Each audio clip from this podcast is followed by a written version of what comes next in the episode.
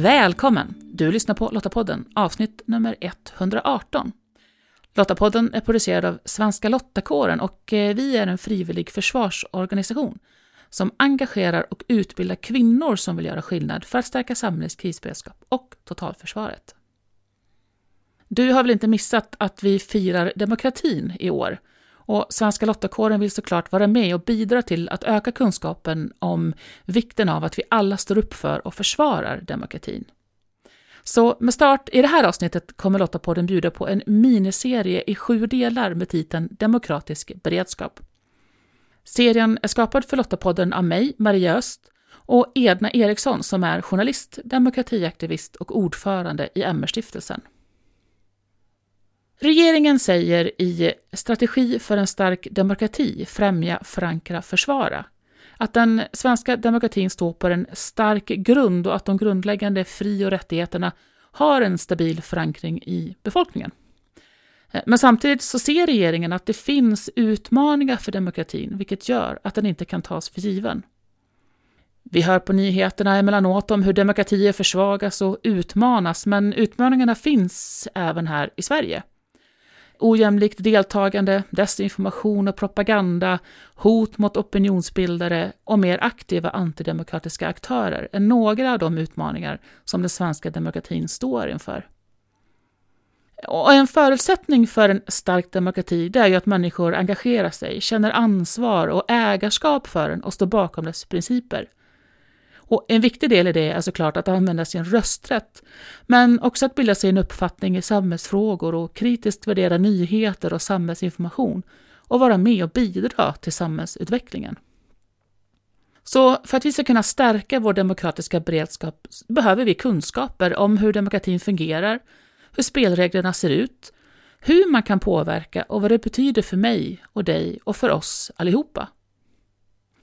Så tillsammans med talmannen Andreas Norlén, eh, advokat Ann Ramberg, journalisten Jan Scherman, jurist Stellan Gärde och historiker Alexandra Sandmark har Edna och jag utforskat demokratins grundprinciper för att sprida lite ljus på ämnen som vi kanske inte går och tänker på varje dag. I det här första avsnittet så introducerar Edna och jag tankarna bakom miniserien, så häng med så får du en introduktion till ämnet demokratisk beredskap. Edna, välkommen tillbaka till Lottapodden. Tack så jättemycket Maria. Tack för att jag får komma tillbaka. Och förra gången du och jag pratade så hade ju vi ett samtal om demokrati och nu är vi ju mitt i firandet av demokrati 100 år. Och sen det samtalet du och jag hade så har du, pratat, du och jag pratat mer om ja, men vad innebär det egentligen det här med demokrati och och hur kan vi tillsammans hjälpa åt att bidra till att öka kunskapen hos alla andra om vad demokrati är och hur jag som individ kan engagera mig. Men eh, jag tänker så här, varför är det viktigt att sprida den kunskapen?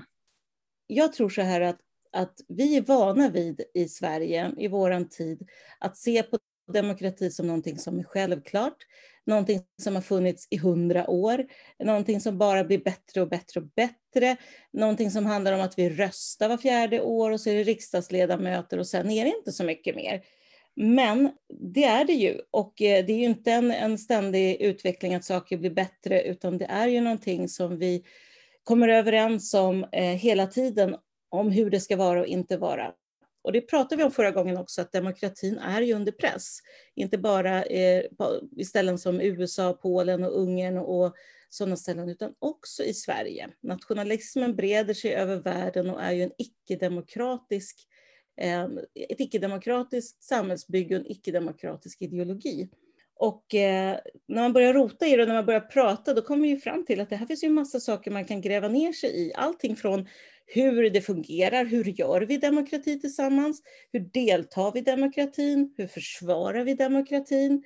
Hur, liksom, vad finns det för um, saker som pågår just nu som är viktiga här i Sverige? Och det är ju bara ett år till nästa val. Och, och du har ju jobbat med de här frågorna länge. Men jag tänker, varför har det varit viktigt för dig att engagera dig i demokratifrågor? Tror att det var när jag var liten. Jag vet inte, liksom det, du har ju också en väg in både i journalistiken, som är ett sätt också att använda eh, friheten, pressfriheten, yttrandefriheten, att få gräva i saker och ting, att få vaska fram konflikter, att få göra oss kunniga i vad det är som pågår för att vi ska kunna gå och rösta och för att vi ska kunna ha konflikter faktiskt, inte bara mm. runt middagsbordet utan politiska konflikter och, och hänges åt samhället. Så, och när du säger konflikter så menar ju inte du att vi ska slåss? Nej, nej, nej, förlåt. Nej, nej, utan, utan att vara oense i sak eh, och mm. inte i person. Inte att liksom säga taskiga saker om varandra eller att vi ska ta till våld, utan precis det här som demokrati är istället. Att vi ska kunna resonera respektfullt och med värdighet, men ändå kunna vara oense om hur vi tycker att samhället ska fungera, vad som ska vara eh, lagar och inte, hur vi ska möta en pandemi, hur vi ska möta saker och ting som, som pågår, klimatförändringar och allt vad det är. Men det bygger på att vi har de här friheterna i botten. Där, där tror jag liksom att, att eh, från början så fanns det redan som liten ett, ett, en känsla av att antingen är det vuxna och andra som bestämmer hur min värld ska se ut. Och det kändes inte tillfredsställande utan jag ville vara med och hade en längtan av att vara med och eh, hittade vägar att göra det. Och vägarna in dit var just civila samhället. Genom föreningar, genom ehm, eh, att kunna engagera mig på det sättet. Men också att vara med till exempel i vår teater, att kunna få berätta och gestalta saker man tänker och funderar på. Eller att kunna gå till biblioteket och låna en bok och lära sig någonting om någonting så man kunde ha ännu mer eh, samtal och funderingar tillsammans med andra människor. Så att, eh, eh, ja, att få träda fram, att få vara med. När vi pratar om demokrati så finns det ett antal principer som det innebär. Kan inte du bara ge oss en, en överblick av dem? Vi kommer gräva ner oss i våra samtal och bland annat kommer vi träffa Alexandra Sandmark som är historiker och som forskat på tingsplatser i Sverige. Och det är ju, det är ju liksom, då pratar vi mer om hundra år, då är det tusen år. Liksom. Och det är klart att saker och ting har hänt här under vägen. Men några saker som, som har varit viktiga i den moderna demokratitillblivelsen är ju efter andra världskriget när man känner så här, nej nu får det räcka, det här får inte hända igen. Och där man ser både nationalism, fascism och rasism som icke-demokratiska strukturer, ideologier, eh, tankesätt, rörelser. Och då blir de mänskliga rättigheterna och så småningom också då Europakonventionen viktig för att kunna skriva modern demokrati i, i världen tillsammans med länder som, som eh, liksom slöt sig samman och ville verkligen verka för det. Och där, där träder de här sakerna fram som redan funnits i franska revolutionen och i andra historiska ögonblick och som då man samlar ihop och känner här är det viktigt. Och det är bland annat att vad heter det, eh, vi ska kunna få ha åsikter, åsiktsfrihet, yttrandefrihet, pressfrihet, att kunna få föreningsfrihet, att kunna få gå med i en förening, demonstrationsfrihet, att kunna få fredligt protestera, att inte vara lojal, att kunna ifrågasätta på ett civiliserat sätt eh, det som råder. Religionsfrihet, att kunna få tro och tycka som man vill, att få vara vem man vill egentligen, men att sätta gränser för vad vi får göra. Mm. Och en av de viktiga gränserna då för att säkerställa en demokrati som du plockar upp här just kring konflikt, det är att vi inte får bruka våld när vi har konflikter med varandra mm. och inte överhuvudtaget. Att vi inte får kränka varandra, att vi inte får diskriminera, eh, förfölja eller, eller eh, använda hot och våld för att tvinga andra människor till mina slutsatser eller, eller till min vilja.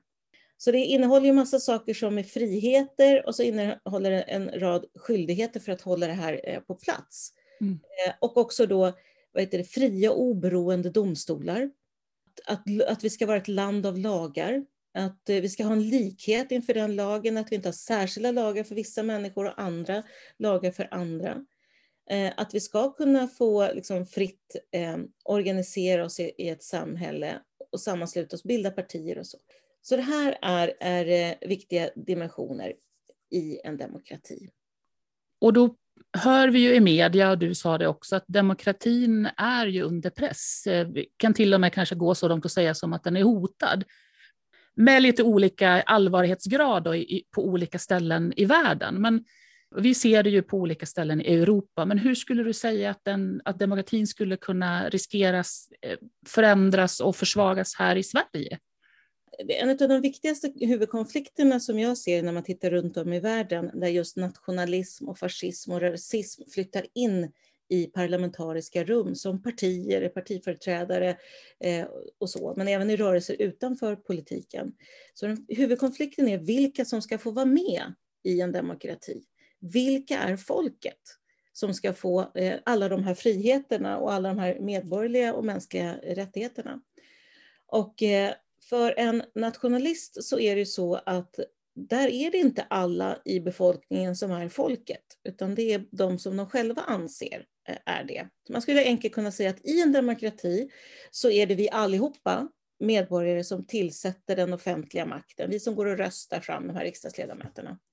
Men i en etnokrati som är nationalisternas samhällsbygge och form, de vill ju inte ha demokrati, de vill ha etnokrati. Där är det tvärtom. Där är det makten som tillsätter folket. Och då börjar man ta bort alla de här grundläggande mänskliga fri och rättigheterna som tillkom tydligt i, i grundlagar och konstitutioner runt om i världen efter andra världskriget i högre grad. Och det är då att, att eh, man får inte tycka vad man vill. Man får inte vara vem man vill. Man får inte yttra det man vill. Man får inte protestera mot vad som helst. Man får inte ha någon religionsfrihet. Och det blir plötsligt helt okej att diskriminera, för det blir en förutsättning. Om bara vissa får rösta, om bara vissa får tycka och tycka vissa saker, då måste du ta bort alla de grundläggande fri och rättigheterna som finns i våra grundlagar och stryka dem helt enkelt och börja kriminalisera vissa religioner, vissa tänkanden och aktivt utesluta människor som är födda någon annanstans och göra oss olika inför lagen. Så man använder liksom hela det batteri av grundläggande demokratiska principer, tar bort dem eller använder dem för att eliminera eller välja ut eh, delar utav, utav det som man tycker ska finnas i ett samhälle. Eh, och då tänker jag att då är vi lite tillbaka till det du sa från början, att om, om vi tar demokratin för givet och att vi inte tänker på och står upp för de här principerna, då är ju risken, tänker jag, just att lite gradvis så urholkas det här och så är plötsligt en dag så inser vi att oj då, nu kanske det har gått lite för långt. Absolut, och då kan vi se i länder som Polen och Ungern och, och USA och så att det, och då måste man börja intressera sig för i Sverige då, vad är det egentligen som ligger på riksdagens bord? Vad är det för motioner där? Hur tar sig den konflikt vi har om hur vårt samhälle ska fungera i Sverige, hur vår demokrati ska funka. Vad vill egentligen de olika partierna? Så en sån uppmaning är ju verkligen att vi allihopa måste bli bättre och ta reda på vad det egentligen är man vill. En aspekt av demokratin är ju det här att gå och rösta. Det är ju någonstans det, ett väldigt påtagligt tillfälle där jag som eh, medborgare lägger min röst och, och bestämmer vem, vem jag tycker ska föra min talan. Men det är ju ett tillfälle när jag utövar demokratin. Eh, skulle du säga att det finns andra sätt för mig att vara delaktig och påverka? Demokratin handlar ju om spelregler så att vi kan eh, bygga samhället tillsammans fast vi tycker olika, tänker olika, känner olika, vill olika, tror olika, så är det sättet för oss att trots allt det hitta fungerande, icke-våldsamma konflikter som kan resultera i kompromisser och handlingar. Och jag tror att man, man, man verkligen ska komma ihåg att politikens uppgift är att lösa gemensamma problem. Och då har vi stora problem på vår farster. Liksom. Vi har klimatfrågor, vi har eh, eh, pandemin, vi har massa saker som, som pågår. Hur ska vi jobba? Hur ska vi bo? Hur ska vi leva? Hur ska vi ha hälsa? Hur ska vi kunna fungera som, som ett samhälle? Och det kan man ju göra mer än att stifta lagar i riksdagen. Därför är just att kunna gå med i en förening som Lottakåren eller vilken annan förening som helst, eller starta en ny förening, eh, jätteviktigt. För det är också sätt att lösa saker tillsammans. Eh, både liksom i det stora landet Sverige eller bara där du bor. Liksom. Mm. Att delta i ett sådant eh, fredligt beredskapsarbete för demokratin, ja, men då är det ju utmärkt att gå med i Lottakåren hur kan vi göra på plats eh, där jag bor? Och där tror jag att demokratin mycket mer faktiskt i handling handlar om att lösa saker omkring oss, nära där vi bor, snarare än att vi ser att ja, men det är det där riksdagen där jag inte är representerad eller de där i Stockholm som tycker en massa. Vill vi någonting så får vi träda fram själva och vi har massor av friheter och möjligheter att göra det här i Sverige. Och det tror jag också att det är en sån sak som, som man kan ta för givet. Men vi kan ju sitta här du och jag eller några kan sitta i sin förening och kunna planera en demonstration för att man inte håller med den rådande makten, göra som Greta Thunberg gjorde själv. Hon var ju inte med i en förening, utan hon har också möjlighet att kunna demonstrera, att misstycka, att tycka någonting annat.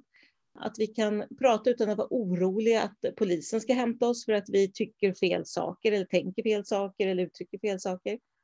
Så, så vill vi någonting så ska vi göra det och det här är en tid då vi ska lösa saker.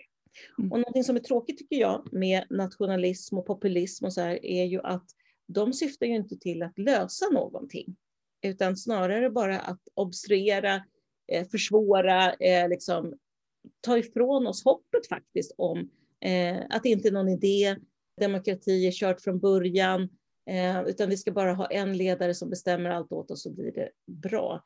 Det finns något konstruktivt i demokratin i grund och botten som är raka motsatsen till de här rörelserna.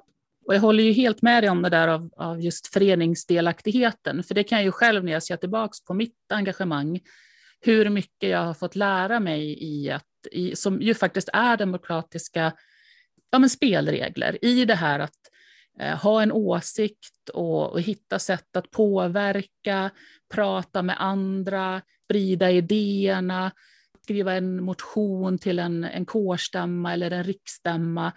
Eh, och försöka påverka andra att vilja samma sak som jag.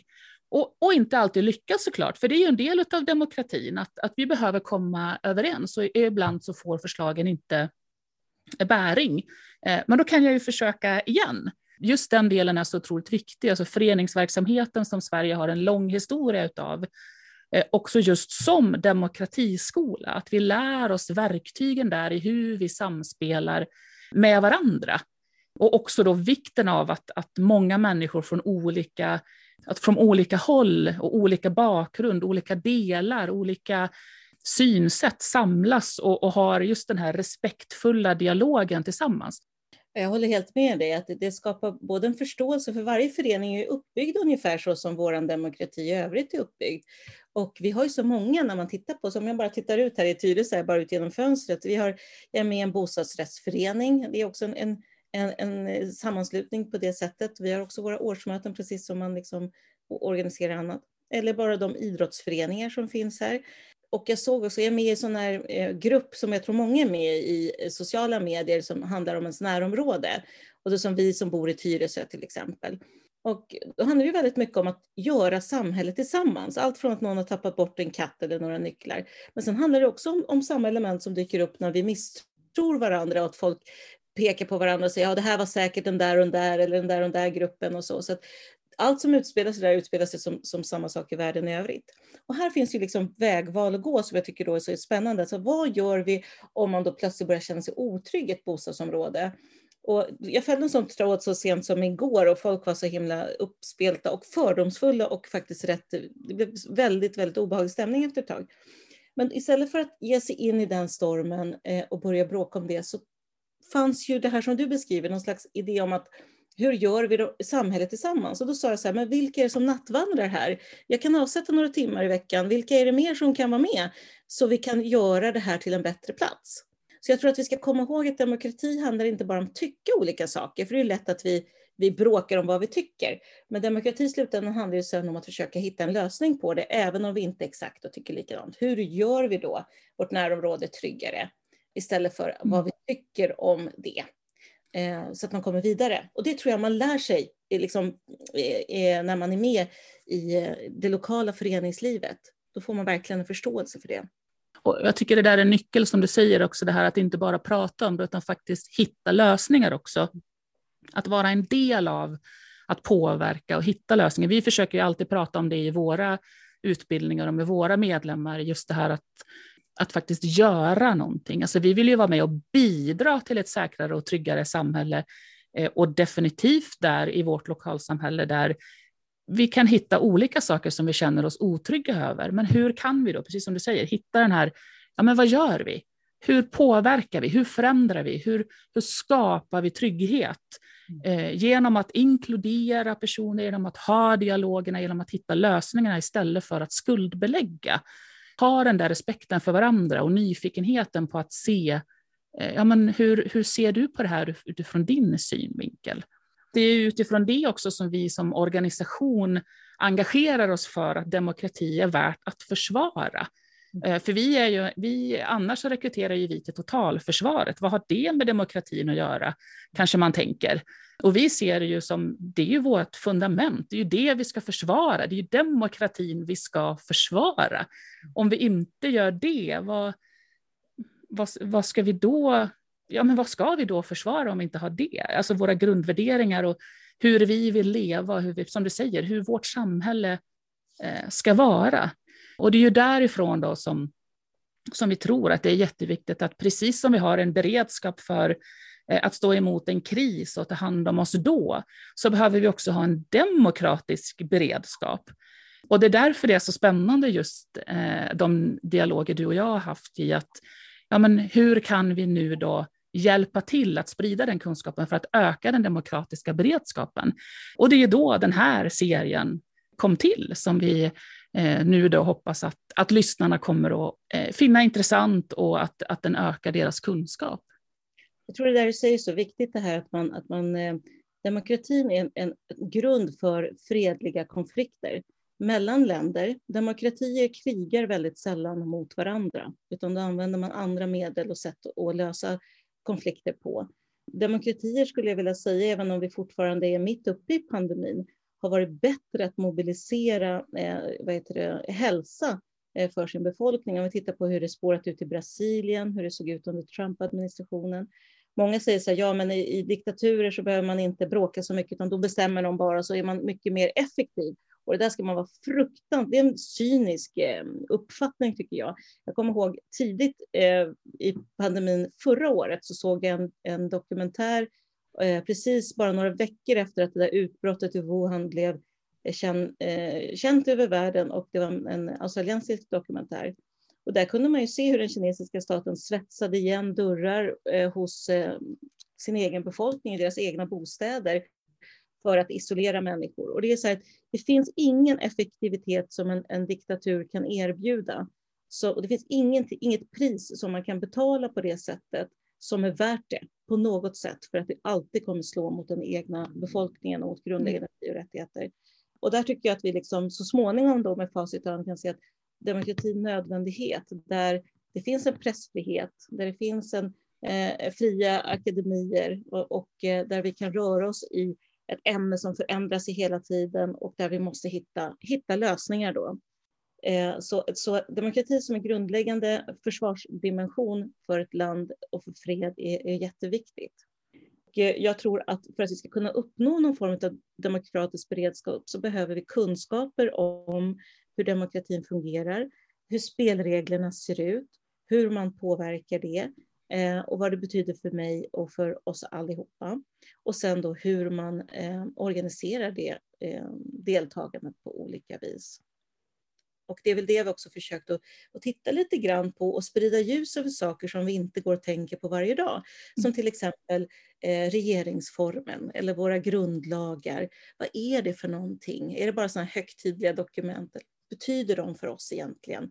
Vad är det för ramar de sätter för vår demokrati? Damma av också lite grann hur vi rent praktiskt kan gå tillväga. Jag vet att Jan Scherman kommer att prata väldigt mycket liksom om eh, hur viktigt också föreningslivet, civila samhället är som en väldigt hoppfull deltagande i det här, att, att kunna vara med i det. Och hur mycket hopp han fick genom att resa runt. Ann Rönnberg som tidigare var eh, eh generalsekreterare i Advokatsamfundet kommer också att prata om sin betraktelse av länder som är eh, i gungfly i de här sammanhangen. Och vad är det då man har gjort i de här grundlagarna? Vad är det då som egentligen är hotat?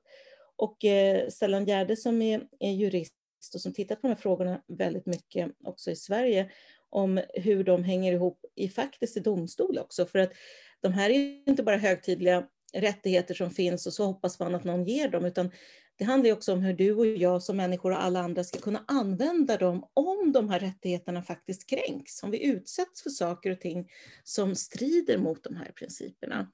Och att det inte då bara är att beklaga, utan att det är någonting eh, som vi kan göra när de sakerna händer.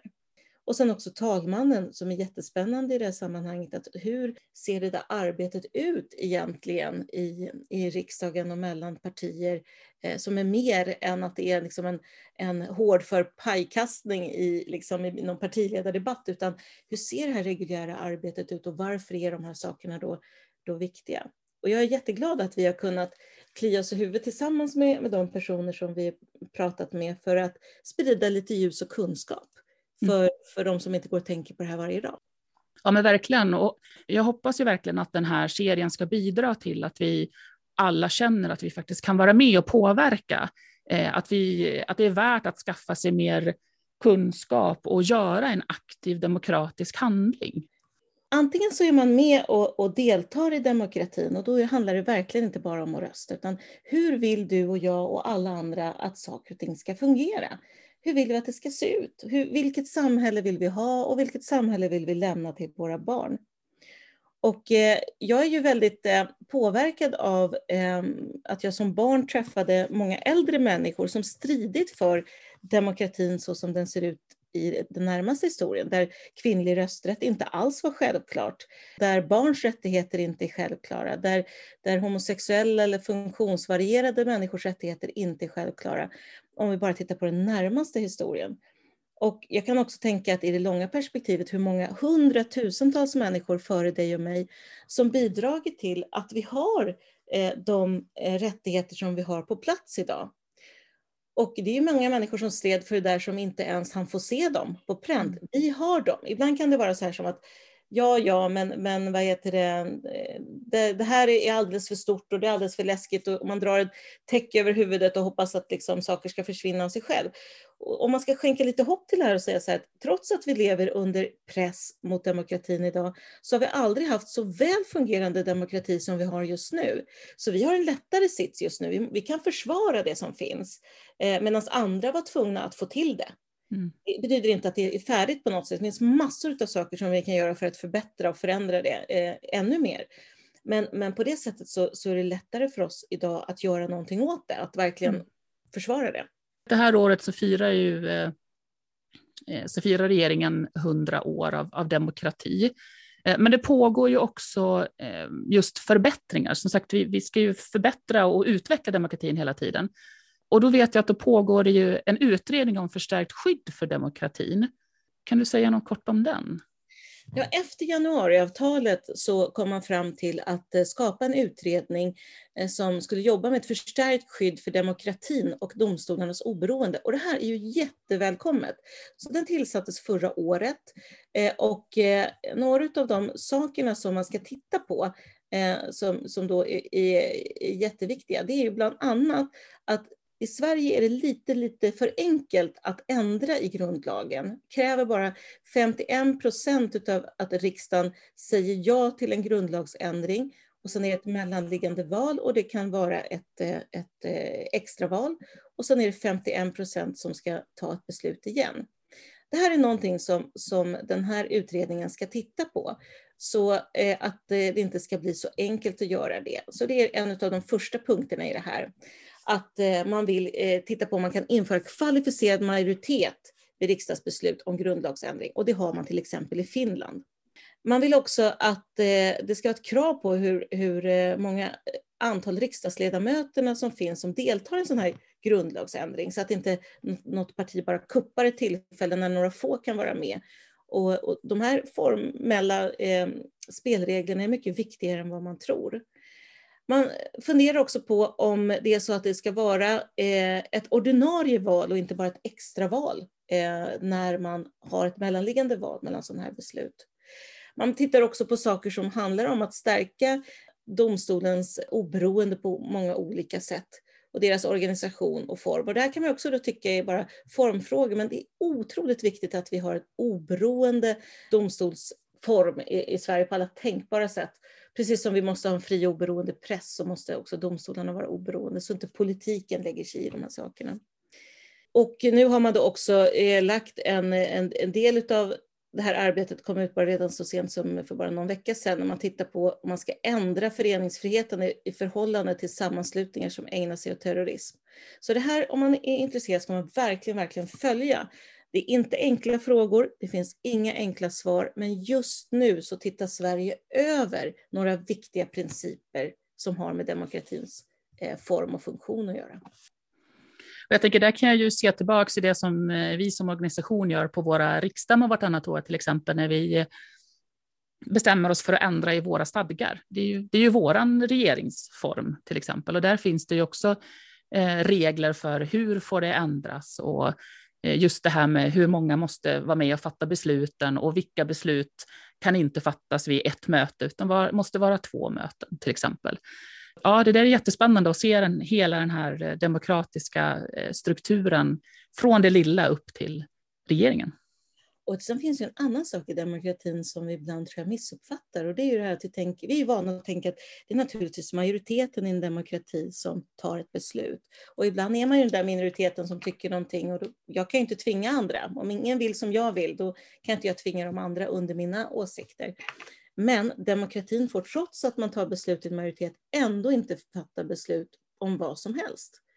Eh, och, och, det är så att man kan jämföra med att om alla i klass 3B eh, mobbar Bosse, så har ju inte de rätt bara för att alla gjorde det, utan ingen av dem, oavsett om de är en eller alla, får mobba Bosse.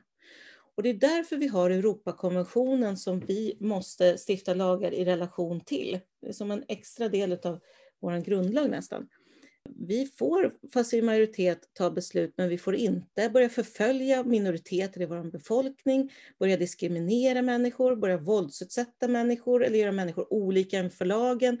Så att en demokrati kan inte ta vilka beslut som helst om vi erkänner grundläggande mänskliga fri och rättigheter. Och det gör ju Sverige. Mm. Det är ju inte ett val. Och det där tror jag är viktigt att komma ihåg, för att vi lever nu i en tid där uppfattningar hos människor kan vara så att man börjar känna att jag vill inte riktigt eh, ha eh, vill, vill inte att andra ska ha samma rättigheter som jag och den där befolkningen kanske inte ska ha det, de där kanske ska ha några andra regler. Då är vi redan där inne på saker som vi, eh, oavsett hur många vi är, inte får göra. Ja, mycket spännande frågor tänker jag som eh, lyssnarna har framför sig här nu i serien om demokratisk beredskap. Ja, och vi får väl verkligen uppmana alla att lyssna då på de gäster som vi har och haft förmånen att få prata med, så att de kan få eh, kliva ner med de som är riktiga experter på de här frågorna och gräva ännu mer. Hur mycket brukar du fundera på demokratin och våra gemensamma spelregler? Jag har definitivt gjort det alldeles för lite eh, och därför har det varit extra spännande att göra den här miniserien och få utforska vad demokratin faktiskt betyder för oss allihopa. Eh, vilka rättigheter jag har, men också vilket ansvar jag har. Och jag hoppas att den här serien kan väcka lite tankar, stärka kunskap och bidra till att du känner att du har en ökad demokratisk beredskap. För mig handlar demokratin om säkerhet. Att om vi tillsammans bidrar till en stark demokrati, att vi ställer upp på de demokratiska spelreglerna så att vi kan bygga samhället tillsammans. Fastän vi tycker olika, tänker olika, känner olika, vill olika och tror olika. Ja, men då tänker jag att vi också har en stark vilja att försvara det gemensamma samhället. Och då är vi ju mer motståndskraftiga ifall någon försöker angripa oss. Lästips relaterat till det vi samtalat om i det här avsnittet, det hittar du på lottapodden.se. Och om du, precis som Svenska Lottakåren, tycker att fred, demokrati och mänskliga rättigheter är värda att försvara och du vill vara med och göra skillnad för vårt samhälles krisberedskap och totalförsvar, ja men då ska du gå till svenskalottakåren.se. Där hittar du information om hur just du kan göra skillnad. Nästa avsnitt av Lottapoddens miniserie Demokratisk beredskap, det kan du lyssna på 13 maj. Och då möter du talmannen Andreas Norlén. Demokrati är förstås folkstyre. Det är ju kärnan i begreppet att eh, medborgarna eh, har rätt att vara med och påverka hur deras land ska utvecklas, eller deras kommun eller region. Sen är demokrati, har demokratin många beståndsdelar. Man tänker kanske framförallt på majoritetsbesluten och fria och rättvisa val. Och det är förstås viktiga eh, delar av demokratin. Men demokrati handlar också om rättsstat, att, vi, att den offentliga makten utövas under lagarna, som det brukar heta. Eh, att vi har respekt för mänskliga och medborgerliga fri och rättigheter. Det är en annan del av demokratin. Att vi skyddar minoriteters rättigheter är en annan del av demokratin. Att vi bekämpar korruption skulle jag säga är också en del av demokratin så att maktutövningen är legitim. Så att det finns många olika delar av det här. Så om du inte redan gör det, prenumerera på Lottapodden. Då får du en påminnelse när nästa avsnitt finns tillgängligt så du inte missar det. Du hittar podden bland annat i Apple Podcast, Podbean eller på Spotify. Och om du gillar Lottapodden, berätta gärna för andra om den. Och tack för att du lyssnar. Hej så länge!